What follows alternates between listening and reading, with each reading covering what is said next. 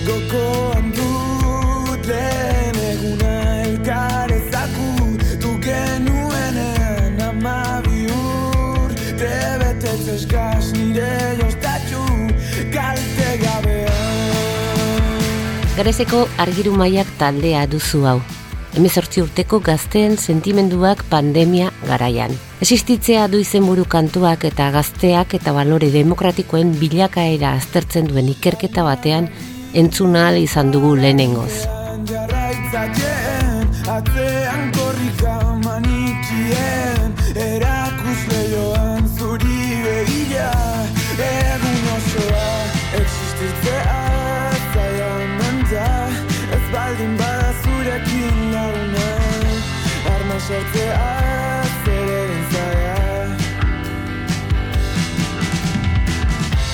existitzea zurekin laguna arna sartzea zer egin zaila bai, zaila existitzea. Zaila besteen azalean jartzea. Zaila harremanek ezagultzea. Zeregin zaila balore demokratikoak mantentzea.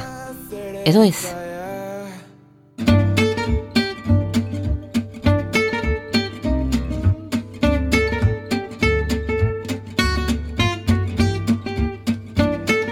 Zientzia puntu puntuan. Nafarroako Unibertsitate Publikoaren divulgazio zientifikoko podcasta. Emaio zuiaten adimenari. Aldatu aldira, balore demokratikoak gazteengan pandemiarekin?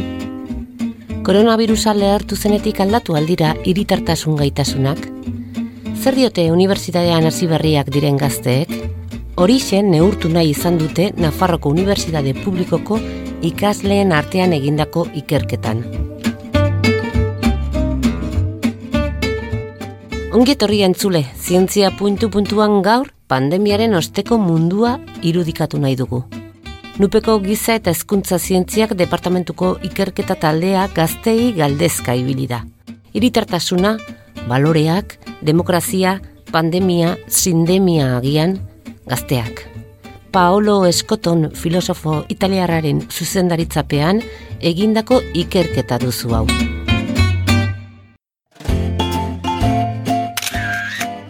Kaixo, ni Paolo Escoton naiz eta nupeko irakaslea naiz eta proiektu horien koordinadorea. Ikerketaren zuzendaria naiz.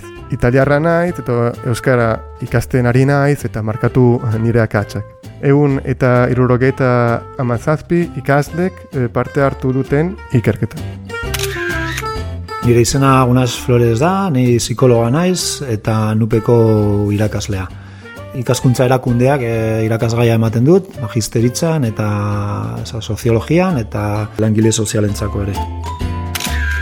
Maider Perez de Villarreal naiz, eta albaitari etologa naiz, nupen egiten dut lana irakasle moduan, zientzia esperimentalen didaktikaren arloan, eta oraingoan ba, naturzientzien didaktikan ematen du klasea magisteritzako graduetan, bai aurrezkuntza eta lehen hezkuntzan, eta bigarren hezkuntzako masterrean ere biologia eta geologiaren inguruan.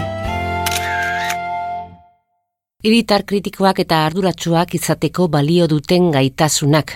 Zertan dira azkeneko urte luze eta berezi honen ondoren. Galdera honi erantzutea zuen xede ikerketak.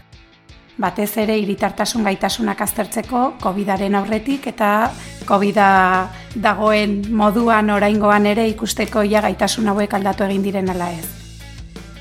Ba, iritartasunean eh, modu aktibo batean implikatzen garen edo ez ikusteko, zentsu demokratikoa garatuago edo gutxiago garatu dugun ikusteko, e, informazioaren kudeak eta nola egiten dugun et- eta nola kuestionatzen dugun inf- informazio hori edo nola sinisten dugun e, kuestionatu gabe, nola iritar kritikoak eta arduratsuak izateko balio duten e, kompetentziak.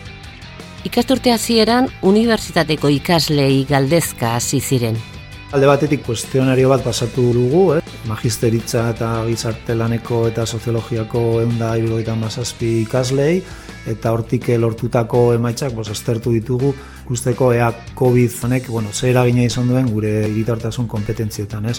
Bestetik, hiritartasun kompetentzia hauek praktikotasunera egiten saiatu gara, ez? Eta Iruñerriko ikastetxe bateko, San Francisco ikastetxeko eta Elbergel zaharretxeko aguren arteko kontaktua edo erlazioa errestu dute, hobeto esan da, gure nupeko ikasle, ez? Galdetegia batez ere lehen mailako ikaslei nupekoei, bai gizarte lana, soziologian zeudenak. Lehen maila erabaki genuen, sufrito egin zutelako ebau aurretik, ba, batez ere beraiek egon ziren konfinatuta eta froga oso garrantzitsua da beraien etorkizunarentzat.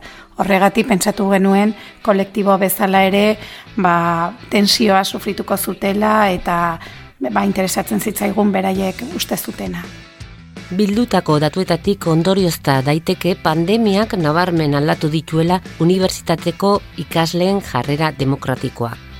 Emaitzak ez dira ordea ikertzaileek uste zutena, Bai, ikerketa egin aurretik espero zitekenaz bestera, aldaketa horietako gehienak onuragarriak dirudite lehen begiratuan. Balore demokratikoak sendotu egin dira. Sorpresa zen, egindako ikerketa honetatik lortutako emaitza, nik uste nuen zarragoak izango zirela. Ez ginela hain demokratikoak izango, edo gitartasun kompetentzia hauek galduak edo galtzeko bidean egongo zirela, ez? Eh, baina ez da horrela izan. Osa, informazioa kuidatzeko gaitasun hori, gero hurbileko politika edo gizarte dinamiketan e, implikatzeko joera hori, bai, batez ere bi hauek oberantz egin dute. Eta horrek zer esan nahi du, ba, agian, batzuetan nola esaten duten gure gazteek ez dutela parte hartzen edo ez dugula konfiantzari beraien etorkizunean, e, beraiek ba, frogatu dute gutxienez arduratzen direla eta konfiantza izan behar dugu. Beraie buruengan, beraien garapenean, pertsona bezala, hiritar bezala. Azterketa honen arabera hurbileko arazo eta kontuetan konprometituago ikusten dute bere burua gazte hauek. Hurbil hurbileko bizitza interesatzen zaie batez ere auzoko herriko gora berak, bai, ala da, leiotikan ikusten duten hori. Konfinatuta leiotik ikusten zenuena ere. Azkenean, horregon gara bilabete ez, eta azkenean, ba, leiotik gertuago duzuna, azkenean interesatzen zaizu gehiago. Ez bakarrik hori, infosikazio gara jauetan, informazioa ez dute iresten mamutu gabe. Informazioa aztertzeko denbora gehiago hartzen dute, iturriak kontrastatu eta valorazio kritikoa egiten dute. Geletan ere nabaritzen dugu irakasle moduan, ez dutela bakarrik oinarritzen iturri batean, baizik eta gehiago ikusten dutela. Eta e, beraien artean ere, ba, solasaldietan eta ba, ibiltzen direla jakiteko iturria hori bida, fidagarria den ala ez. Orden hori interesgarria iruditu zaigu, hainbeste informazioa dugun mundu honetan, hogeita bat garren mendeko gizartea informazioarena eta ezaguerarena izango denez, ba, orduen interesgarria iruditzen zaigu gure ikasleak horretan ba, sakontzea pixka bat gehiago. Jakin min handia duten entzat, adimen erneko jendearentzat, zientzia puntu puntuan bai aldaz nahi, nupen soziologia aplikatua, ari nahi ikasten, eta argilo maiak taldean abeslaria nahi. Galdera zaia, bai, uste dut, deno egongo garela ez ados, beti erabiltzen dien hitzak ez, benetan betetzea ez, eh, demokrazia, justizia eta askatasuna ez, baina gauza ez da hor geratzen ez. Begun behar bada, erabiltzen dira barru askotan ez gehiagitan, eta behar bada ez dela egia edo ez dakit nola esan, baina gustatuko litzaiak tokizune edo egote intentzio bat gauza birplanteatzeko, benetan sustaitatik heltzeko, ez? Zenbait balore demokratiko obera egin dute ikerketa honen arabera. Hala ere, pandemiak agerian utzi ditu hain positiboak ez diren aldeak. Bata, elkarrekin erlazionatzeko baliabide gutxiago, nonbait. Gaitasun inter eta intrapersonala kaltetua somatu dute ez batez ere konfinamenduak bultzatuak, pues, eh, sare sozialetara edo sozialetan ibili dira pues, eh, denbora gehiegi edo euren ustez larregi baliatu dira erlazionatzeko bideo horretaz, ez?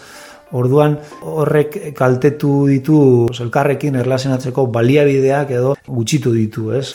Pues, etxan egotea eta bakarrik sare sozialen bidez erlazionatzerakoan gaitasun horiek, habilidade soziala edo gizarte trebesi horiek kaltetuak.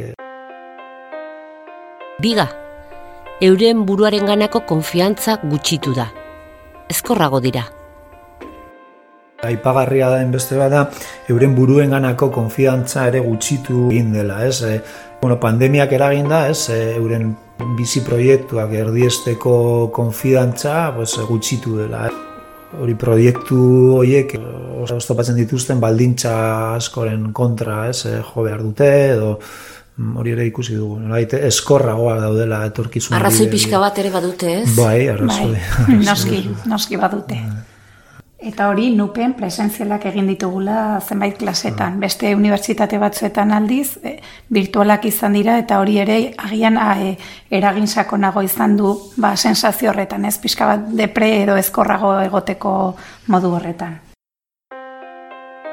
Iga, zailago egiten zaie bestearen azalean jartzea, bestearekin empatizatzea.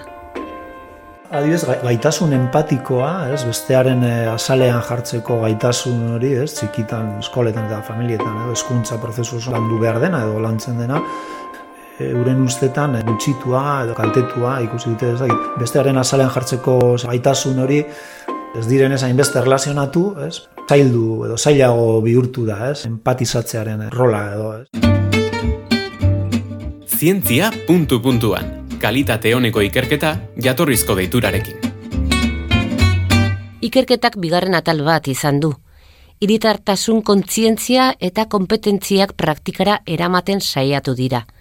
Eta horretarako ertzetan gelitzen diren ahots horiei aukera eman diete euren itxaropenak isladatzeko. Gehiegi entzunez diren eh, ahots batzuei aukera eman diegu eh, euren itxaropenak, euren esperientziak eta euren eh, nahiak adirazteko, ez? Eta e, gizatalde edo kolektiboien artean, hori pues ANASAPS, Asociación Navarra de Salud Mental, ez? E, gaizotasun mentala dituzten pertsonez osatua, El Bergel, ez? Arretxea, pero San Francisco ikastetxea eta padeziganda ikastola, nolaite aurren, batez ere, sortzi beratzi amar urteko aurren e, sentsazioak eta jasotzeko, ikusteko e, nolakoa den e, euren e, itxaropena, edo zer e, botatzen duten faltan, edo zer berreskuratzea espero duten, ez? Eta gure ikaslei aukera eskaini genien, sortzi hogei, eta bos urteko gazteei, aukera eskaini genien, pues, adirazteko nola sentitu diren kaltetuak, ez, pandemianen gatik, eta ze espero duten berreskuratzea, edo nola ikusten duten planteatu genuenaz izan zen horretik, e, izen zen begira da nitsa, ez nola kolektibo e, hauek ezkeni dezaketen ikuspuntu diferente bat, eta gian pues, ez, behar beste aztertua edo ez, behar beste jasoa. Ez. Nola ikusten dute COVID osteko bizitza elbergeleko zarretxean bizi diren agureek? Ze espero dute berreskuratu umeek? Baina aurrak beraien marrazkien bidez, ba, frogatu dute, beraiek nahi zutela, beraien aitona monak besarkatzea. Marrazki askotan ikusi dugu hau, beraien sensazioa, ba, beraiekin elkartzeko berriz, besarkatzeko, eta hori oso polita izan da, ere beste aur batzuk, futbolaren inguruan, ba, sadarrera joateko, sasuneko jokalariak ikusteko adibidez, beste batzuk ondartzara joateko, baina bai, musukoak entzekoa eta gurekin berriz elkartzeko grina, bazegoen marrazkietan eta San Osapseko bartaidek egin dutena, ez, da, pues, pinturaren bidez, eh, adierazi dute itxaropen horiek, eta kuadro politak eta oso esanguratxoak, oso signifikatiboak egiten dira, simbolikoki. Gizartearen ertzetan gelitzen diren kolektiboen begirada positiboa. Itxaropentsua. Errealitate berri bat sortzeko asmoz. Nolabait gure begirada positiboa da eta itxaropentsua, ez? Eta nahi genuen sustatu ba, ikerketa zerbitzuko esperientziak, horregatik erabaki ditugu kolektibo batzuk uste izan duguna sufritu egin dutela konfinamendu garaian, eta gure ustez pixka bat begirada positibo hori ematea.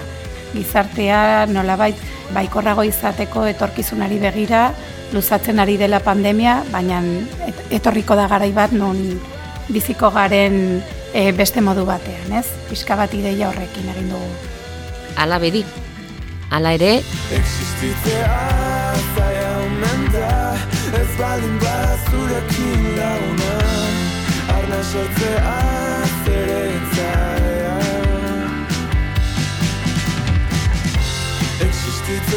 Zientzia puntu-puntuan entzun duzu. Menuan, mota guztietako jakintzan. Egiazko, jakiteak. Puntu-puntuan, beti ere. Existitzea zaila omen da Ez baldin bat zurekin launa Arna sortzea zerein zaila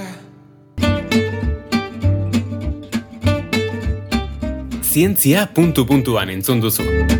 Nafarroako Unibertsitate Publikoaren podcasta. Gozatu zientziaz.